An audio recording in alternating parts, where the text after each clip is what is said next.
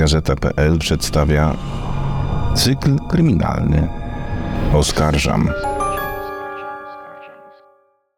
Dzień dobry. Moim i Państwa gościem jest dr Zbigniew Nowak, prawnik, wykładowca akademicki i specjalista do spraw prawa karnego i kryminologii.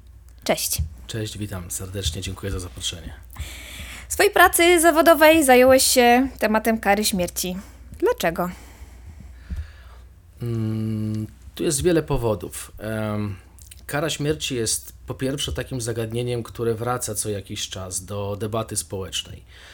Wraca obok eutanazji, obok problematyki przerywania ciąży. Doskonale wiemy to, bo te tematy mm, powracają, są dyskutowane e, chociażby mm, przy kolejnych wyborach parlamentarnych, prawda, przy zmianie opcji politycznej, bo kara śmierci też w pewnym stopniu jest nie tylko karą kryminalną, taką jak y, widzi to większość społeczeństwa, jest pewnego rodzaju instytucją, która wykracza poza pojęcie właśnie kary kryminalnej. Jest elementem polityki kryminalnej państwa, o czym pewnie później powiemy.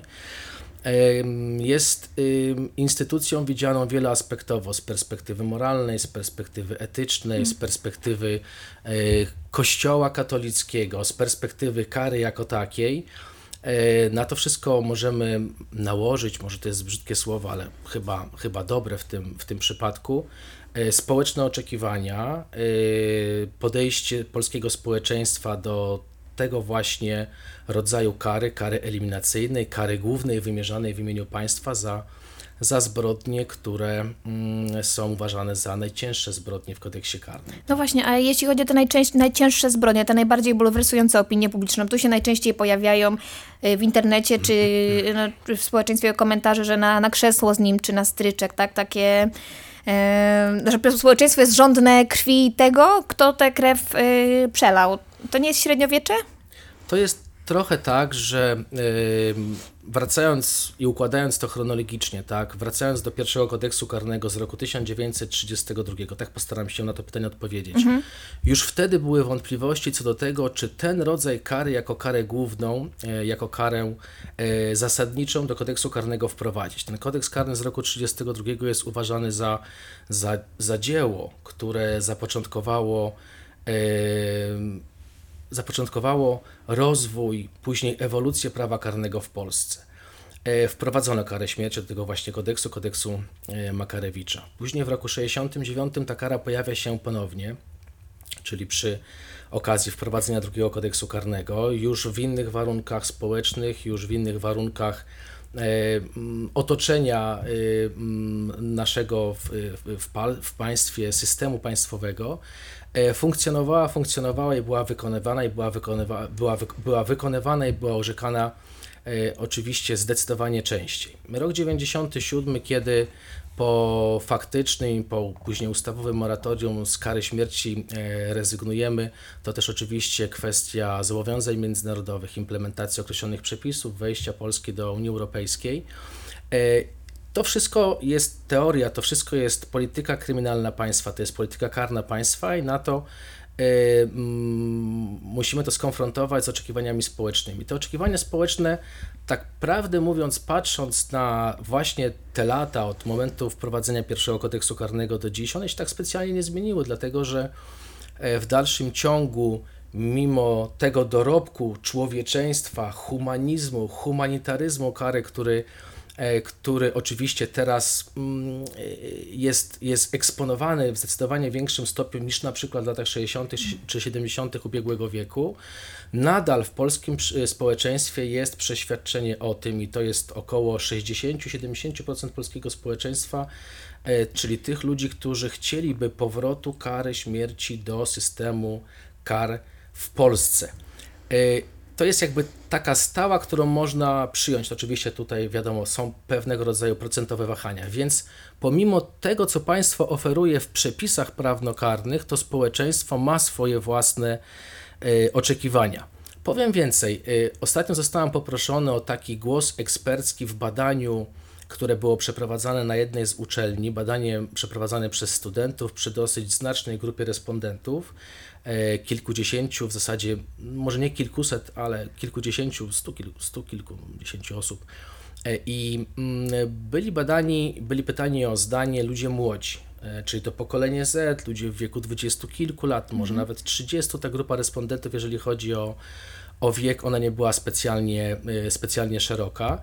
I wyobraź sobie, że oczekiwania społeczne tej właśnie grupy osób nie tylko oscylują wokół y, kary śmierci jako rozwiązania, które powinno być w pakiecie mm, możliwości wyboru przez niezawisły i niezależny sąd, ale młodzi ludzie spodziewają się odwetu, spodziewają się y, w pewnym stopniu kar mutylacyjnych, czyli takiego trochę właśnie powrotu do, do średniowiecza. E, Jest mowa o tym, żeby te kary były wykonywane w sposób e, transparentny. E, Niczym złym byłaby nawet chłosta, która miałaby poprzedzać właśnie e, karę eliminacyjną, więc takie są oczekiwania młodych ludzi. Oczywiście nie generalizuję, bo to badanie to jest tylko jedno No z ale badań, z tymi oczekiwaniami społecznymi jest tak, że one się często pojawiają tak samo jak polityczne głosy albo przy wyborach, albo podczas y, y, omawiania jakiejś większej zbrodni, więc tym y, dyktują, te głosy są podyktowane bardzo dużymi emocjami związanymi z konkretnymi sprawami, ale gdyby tak przyszło e, na karę śmierci y, skazać y, kogoś y, z członków najbliższej rodziny, rodziny, najbliższym, no to myślę, że już tutaj Ta percepcja e, się ta percepcja się na pewno Tak. zmienia, tak? Zresztą nie mamy chyba wątpliwości, że stosowanie kary śmierci, szczególnie z PRL-u, y, było, było przedmiotem nadużyć i walki, stopniu. tak, i odwe, odwetowe właśnie, dlatego y, no to jest kara nieodwracalna, tak? Tomasz Komenda już by nie żył, gdyby go y, Tak. taki system sądził. Tych argumentów jest mnóstwo, prawda? Argumentów za i przeciwko, i tych retrybutywnych, i tych abolicjonistycznych. Tego wszystkiego mamy w społeczeństwie całą masę. Mówię o takiej grupie, którą można przyjąć jako średnią. I ta grupa faktycznie funkcjonuje. To są wahania, bo w zależności od tego, jakie są oczekiwania społeczne i w jakim stopniu poziom przestępczości w Polsce e, rośnie, choć też po, potem o tym pewnie będę miał okazję powiedzieć, tak też ta grupa społeczna, ten procent y, na pewno troszkę wzrasta. Tak? Mówimy o tej grupie 60-70%, którą możemy przyjąć jako, jako konstans. Oczywiście jest tak, jak mówisz, czyli e, pojawiają się okrutne zbrodnie, których jest mnóstwo, które są szeroko komentowane w przestrzeni medialnej. I wtedy mm, nawet mimo tego, że ktoś mógłby się wstydzić tej swojej opinii takiej właśnie, że jest za karą eliminacyjną, to w takich właśnie momentach ma pewnego rodzaju wątpliwości. W takich momentach, jak chociażby ostatnio sprawa, sprawa y, mm, Grzegorza Borysa, Borysa tak. y, na, y, na Pomorzu, tak? Też o to pytałem swoich studentów, którzy w euforii podnieśli tak pół na pół y, rękę do góry, będąc pytanymi o to, czy są za karą śmierci, czy też nie. Natomiast przy tej sprawie, kiedy dostali konkretny przykład, już ten balans był zbudowany nieco inaczej, czyli za tym, żeby, żeby ukarać, gdyby to było oczywiście możliwe, do tego ukarać srogo, ukarać, tak jak powiedziałem wcześniej, transparentnie, tak, żeby społeczeństwo widziało, że, że, że jest taki odwyt. odwyt. To są, to są ludzkie emocje, które y, towarzyszą przepisom karnym. Y, Do tego kwestie, te, o których wspomniałeś, czyli kwestie polityczne. Co jakiś czas wraca kwestia tego, czy przywrócić karę śmierci do polskiego systemu prawnego. Co jest y, teraz, no nie powiem, że absolutnie niemożliwe, ale wydaje się, że jest niemożliwe, tak? Bo No właśnie, no funkcjonują- gdybyśmy wprowadzili karę śmierci, y, to, to wprowadzając wyprowadzilibyśmy się na przykład y, być może z Unii Europejskiej, tak, która mm, jasno zaznacza, że każdy ma prawo do życia i kary śmierci wymierzać nie można. Tak, tych przepisów, które implementowaliśmy, ratyfikowaliśmy do polskiego systemu prawnego, tych konwencji, traktatów jest, jest, jest więcej oczywiście niż Karta Praw Unii Europejskiej.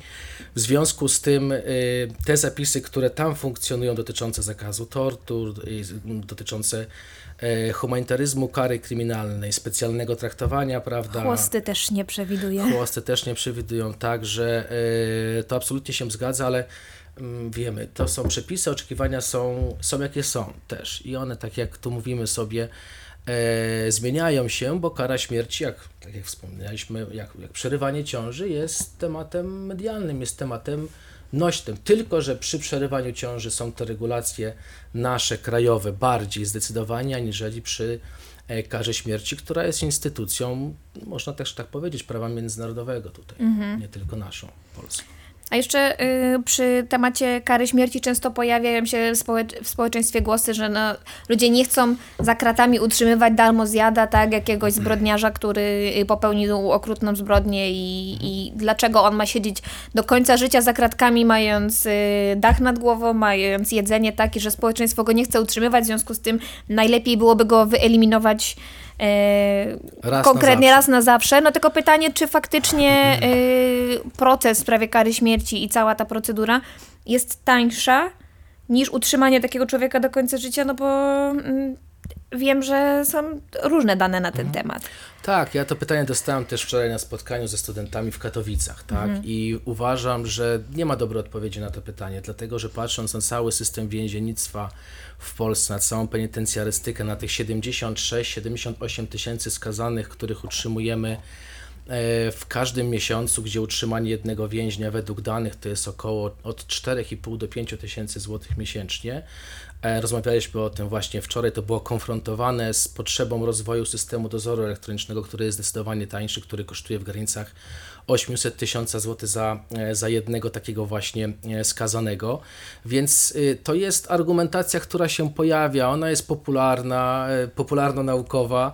Natomiast y, nie wiem, jak odpowiedzieć na takie pytanie, czy rzeczywiście utrzymanie, y, rzeczywiście wprowadzenie kary śmierci, która miałaby być taką reakcją społeczną w miarę szybko, po oczywiście przeprowadzeniu procesów w pierwszej, w drugiej instancji, może może w Sądzie Najwyższym e, przy przeprowadzeniu wszystkich niezbędnych opinii sądowo-psychologicznych w sprawie, czy to będzie rozwiązanie tańsze, czy to będzie rozwiązanie, które jest droższe. W Stanach Zjednoczonych mamy taką sytuację, że przecież tam około 2,5 do 3 tysięcy ludzi oczekuje na wykonanie kary śmierci. No tak, ale oczekuję w izolacji, tak, w jakichś szczególnych warunkach. Też trzeba za nie E, zapłacić. Trzeba za to zapłacić, dlatego to jest drogie, dlatego to jest droższe y, niż y, po prostu odbywanie kary, szczególnie, że więzień może pracować.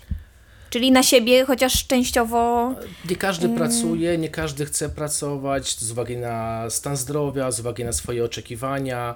E, Też o tym dyskutowaliśmy właśnie, bo to jest takie też popularne hasło, tak? Niech więzień pracuje, niech odrabia to, co tam złego zrobił, niech wzbogaca e, fundusz, który jest specjalnie w tym celu właśnie, mm, właśnie powołany, niech wypracowuje tę swoją, e, tę swoją zbrodnię, tę swoją karę, której, e, którą orzeczono w stosunku do niego.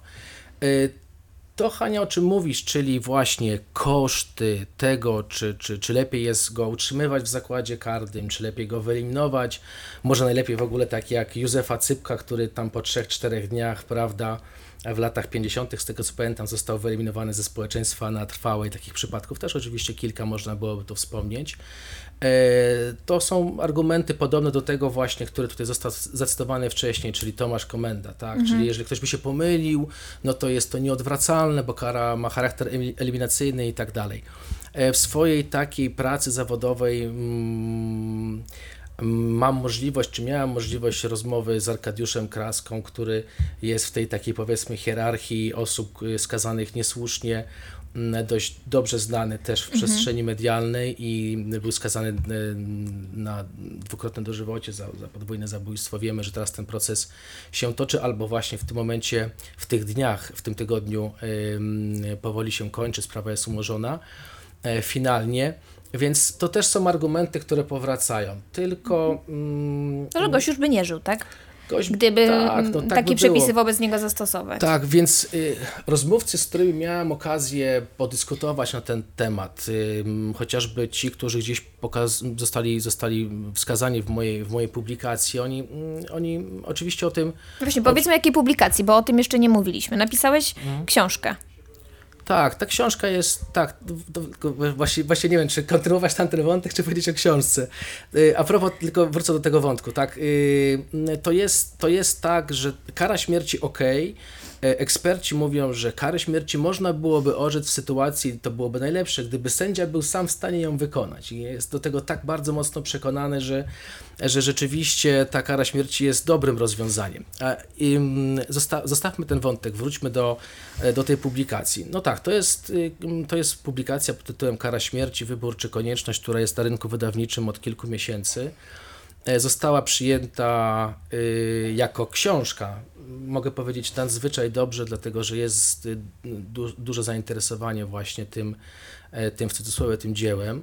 To jest rzecz, która składa się z trzech elementów. Y, Pierwszy taki czysto teoretyczny, czyli ewolucja kary śmierci w Polsce i na świecie. Drugi to są właśnie rozmowy z ekspertami i wywiady z ekspertami i rozmowy z osobami, które e, wiele na temat kary śmierci wiedzą, bo to ich dotyczyło, tak? E, I trzecia część to są wyroki, e, wyroki w sprawach karnych, które udało się uzyskać dzięki uprzejmości prezesów sądów okręgowych w Polsce.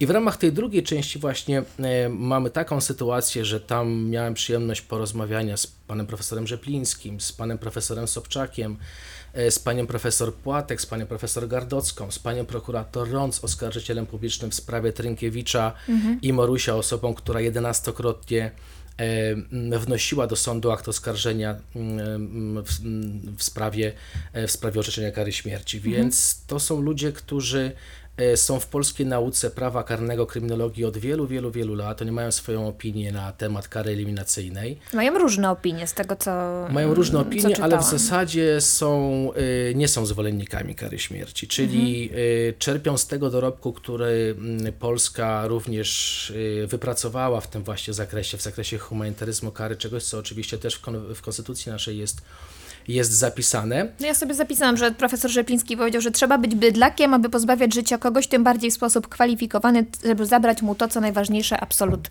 czyli życie. Tak. ym, myślę, że lepiej to pamiętasz ode mnie akurat to sformułowanie, bo ja do tej książki specjalnie już tak bardzo szczegółowo nie wracam. Głosy ekspertów są różne. Wiadomo, pani prokurator jest za, mamy tam. y, Co ciekawe, y, i na co chciałbym zwrócić uwagę, y, wśród tych ekspertów są dwie osoby, które w swojej praktyce orzeczniczej orzekły karę śmierci czyli jeden z panów profesorów, osoba, która zasiadała w Izbie Karnej Sądu Najwyższego przez 17 lat, aktualnie pan profesor jednej z, z uczelni warszawskich, w głośnej sprawie poznańskiej nekrofila, e, chyba takiej najgłośniejszej w Polsce, e, orzekał właśnie karę śmierci w latach 80. i on do tego e, wraca i o tym mówi. I też mamy tutaj głos y, mm, sędziego Sądu Okręgowego z Radomia, byłego prezesa Sądu Okręgowego z Radomia, który również w roku 95, z tego co pamiętam, orzekł karę śmierci w stosunku do sprawcy okrutnej zbrodni, zbrodni na 11-letniej dziewczynce lokalnej, bo to wiadomo, tamta właściwość mm, sądowa, miejscowa. No tak, ale ciężaru nie czuję, bo ta kara nie została wykonana. Jak wiemy, ostatnia kara śmierci została wykonana pod koniec lat 80. Tak, tak, tak. No tak, to jest 88 rok, wiadomo, to jest sprawa, myślę, że możemy użyć tego nazwiska pana Czabańskiego, bo jest ono powszechnie znane. E, W tej publikacji też trochę znajdziemy na temat tej właśnie sprawy, chociaż chciałem i starałem się bardzo, bardzo delikatnie do tej, e, do tej sprawy podejść. Generalnie zasadą było to, żeby nie zrobić nikomu krzywdy w tej publikacji, żeby, żeby nie wyciągać rzeczy, które są absolutnie niepotrzebne i czasem mimo zgód otrzymywanych od prezesów sądów okręgowych różnych, e, zgód na prezentację materiałów, ja decydowałem o tym, żeby tych materiałów po prostu, po prostu nie, mm, nie pokazywać. Mm, Więc tak.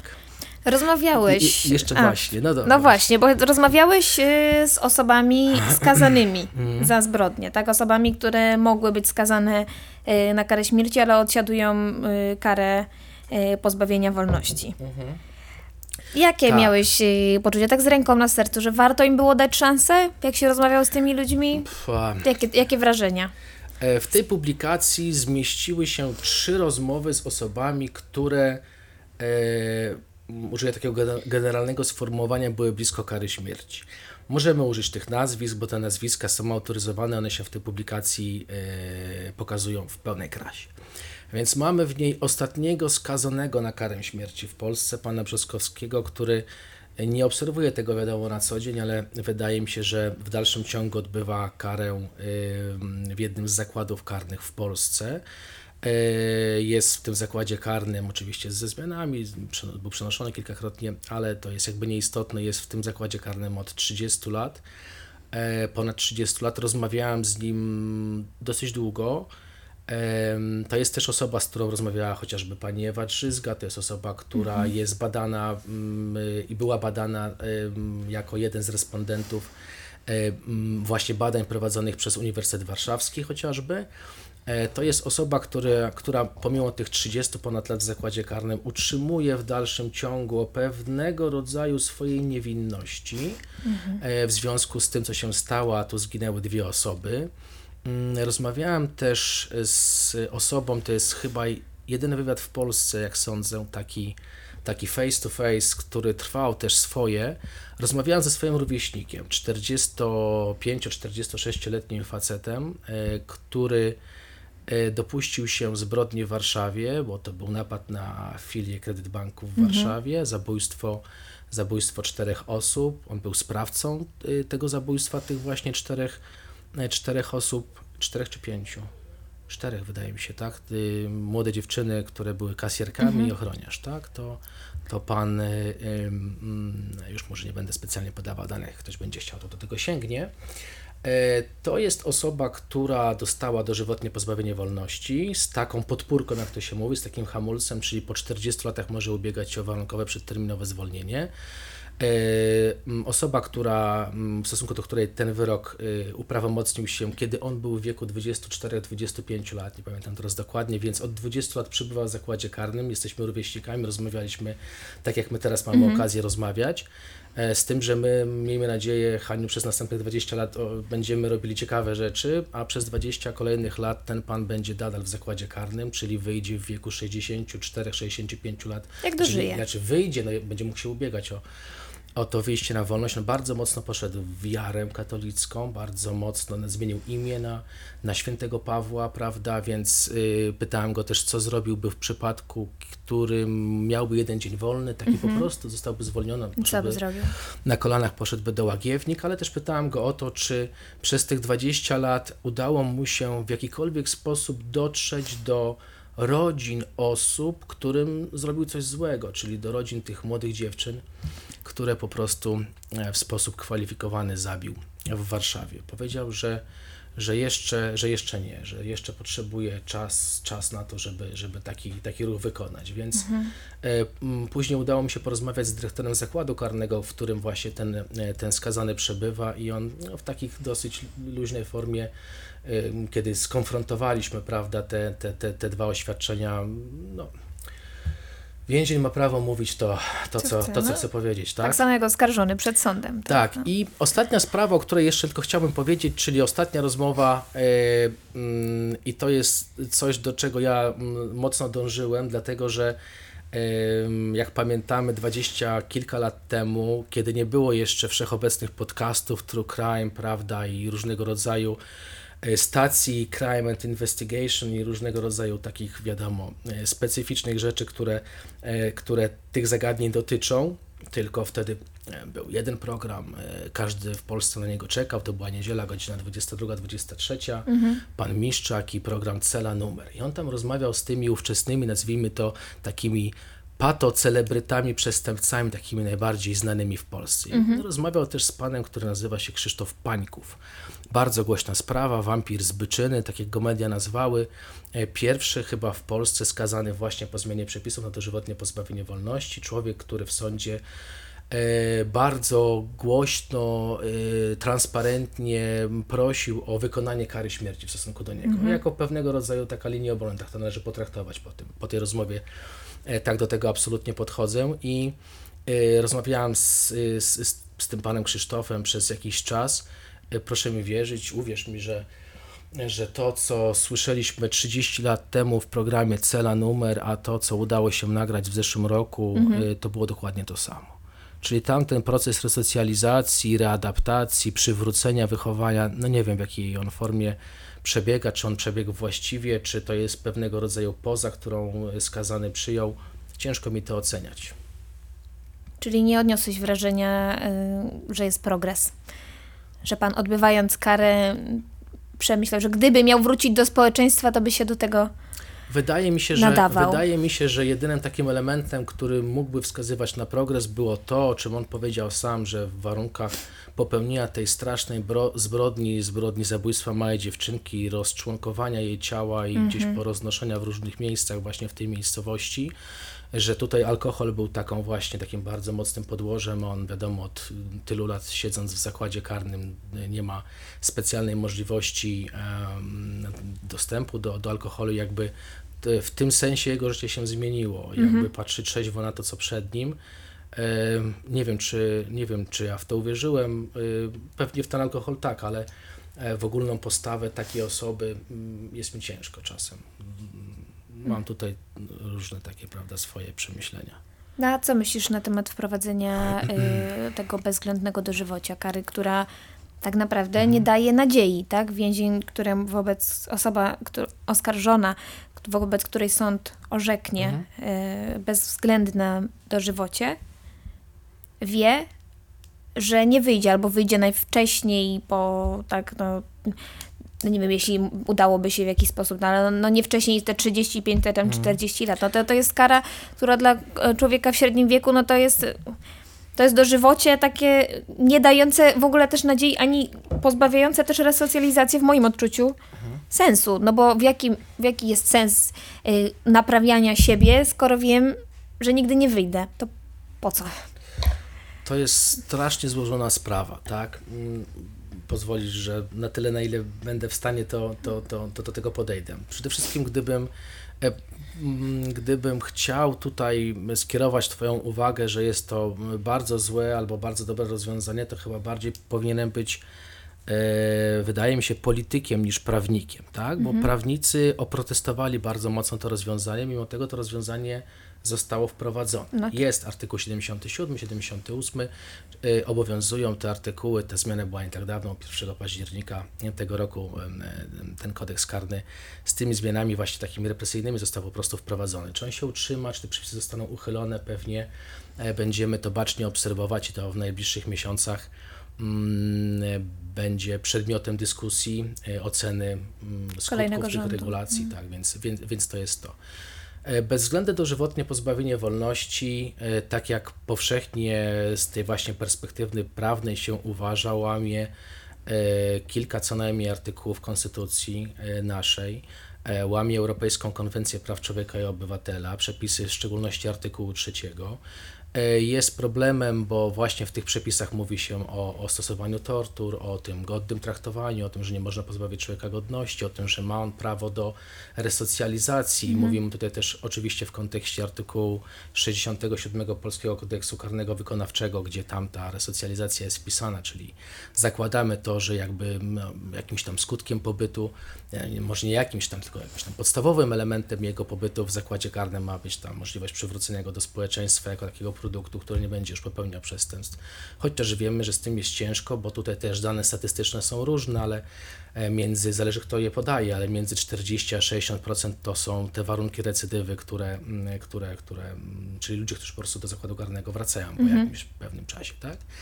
Bezwzględne dożywotnie pozbawienie wolności e, to jest e, z perspektywy prawnej też e, problem, patrząc na przepisy międzynarodowe, jako że, mm, jako że jakby to, o czym Ty powiedziałaś, nie ma możliwości skrócenia tej kary.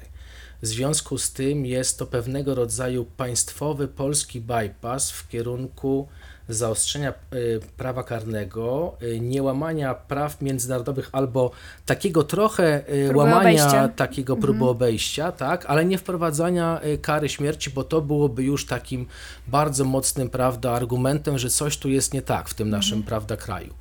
Więc na takie rozwiązanie się zdecydowano. To też jest kwestia mm, stosowania na przykład europejskiego nakazu aresztowania w sytuacji, kiedy Polska by się ubiegała o pozyskanie w cudzysłowie kogoś z innego państwa i to państwo mogłoby odmówić właśnie chociażby z, możliwo- z z uwagi na taką możliwość, że że taki mm, potencjalny oskarżony czy skazany mógłby liczyć na bezwzględne dożywotnie pozbawienie wolności, w związku z czym byłyby tutaj problemy natury, natury, natury prawnej, interpretacji tych właśnie przepisów.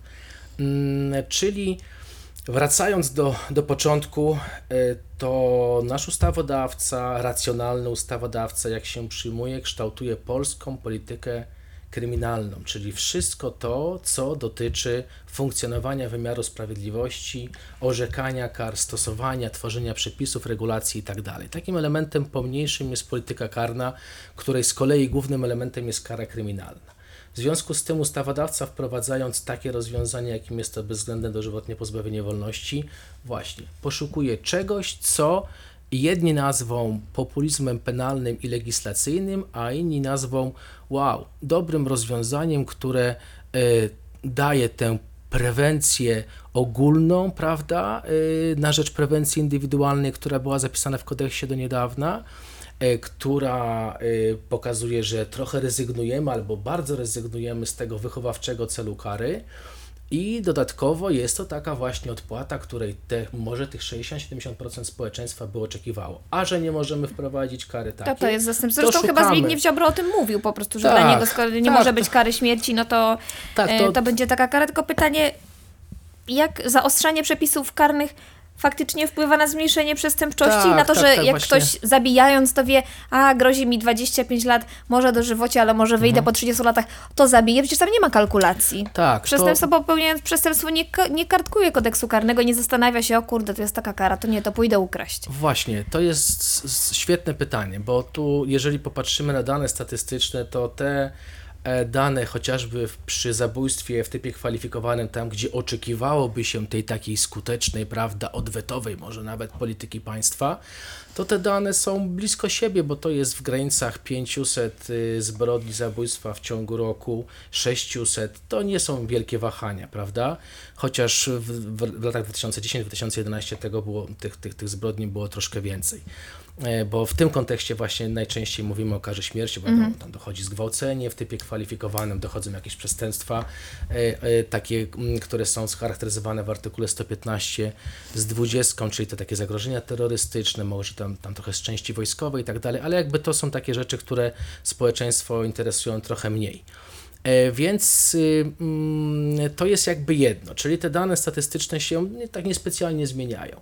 E, Sprawa druga, czyli możliwość orzekania, bo przecież artykuł 53, który dotyczy sądowego wymiaru kary w, w kolejnych paragrafach, też oczywiście teraz zmieniony, y, jakby zawężone jest pole dla sędziów, dlatego żeby oni orzekali w dosyć taki szablonowy sposób, gdzie podaje się okoliczności, te, takie, które mają być uważane, uważane za łagodzące i te takie, prawda, obostrzające. On też daje możliwość stosowania tego dożywocia e, w taki sposób, w jaki sąd uważa to za stosowne. No jasne. E, 25 lat, tak jak to było zapisane w kodeksie karnym do teraz, czyli jako ta cezura czasowa do możliwości ubiegania się o warunkowe przedterminowe zwolnienie, teraz 30 lat, ale też już dzisiaj podawaliśmy sobie przecież te przykłady, gdzie e, sąd zastosował e, tę właśnie e, dodatkową, mm, dodatkową podłość dla e, skazanego i zaproponował możliwość zwolnienia po latach 30, 40, Tak. e, czy też sprawa Skorpiona y, mm, y, pana, pana Krzysztofa G, może tak bez tego, gdzie tam... Tego, który tam zabijał kobiety. Tak, 50 lat chyba tam, już nie pamiętam dokładnie jak to, jak, to, jak to tam się finalnie skończyło. Więc takie możliwości są, ale właśnie na tym też trochę polega ten populizm penalny i ten legislacyjny, żeby pokazać, że my chcemy, tak, że chcemy tutaj wprowadzić taki represyjny system. Pewnie będą głosy, tak jak powiedziałem, które, które, które są za tym, że to jest dobre rozwiązanie, są też i większość chyba teraz jest taka, że, że to nie jest rozwiązanie, które byłoby, które byłoby oczekiwane, powiedzmy, jest, jest zgodne z tym, co w Polsce wyprac- wypracowane również w sensie prawnokarnym. A możesz opowiedzieć y, o tym, czym jest y, propozycja kary progresywnej, o której y, piszesz y, w swojej y, publikacji? To zupełnie, to zupełnie luźna, akademicka propozycja, ale każdy, kto prowadzi jakieś badania, ma przecież y, możliwość zaprezentowania jakichś takich prawda, wyników swoich badań. Ja sam pisząc tę propozycję podchodziłem do niej w sposób trochę nieufny, trochę z takim przekąsem, mimo tego, że jestem y, jakby no, autorem tego właśnie, tej, tej, tej koncepcji. Ona się w tej mojej publikacji Kara śmierci, wybór czy konieczność gdzieś zmieściła na końcu tego właśnie, tej właśnie monografii. Mm, Zostało też, został też opublikowany artykuł w Wojskowym Przeglądzie Prawniczym wydawanym przez Prokuraturę Krajową w ostatnim czasie właśnie dotyczący tej teorii, koncepcji tak zwanej kary mm, progresywnej. Generalnie założenie jest takie, które, mm, które, które mm, pokazuje, że e, kara śmierci mogłaby zafunkcjonować w systemie prawnokarnym.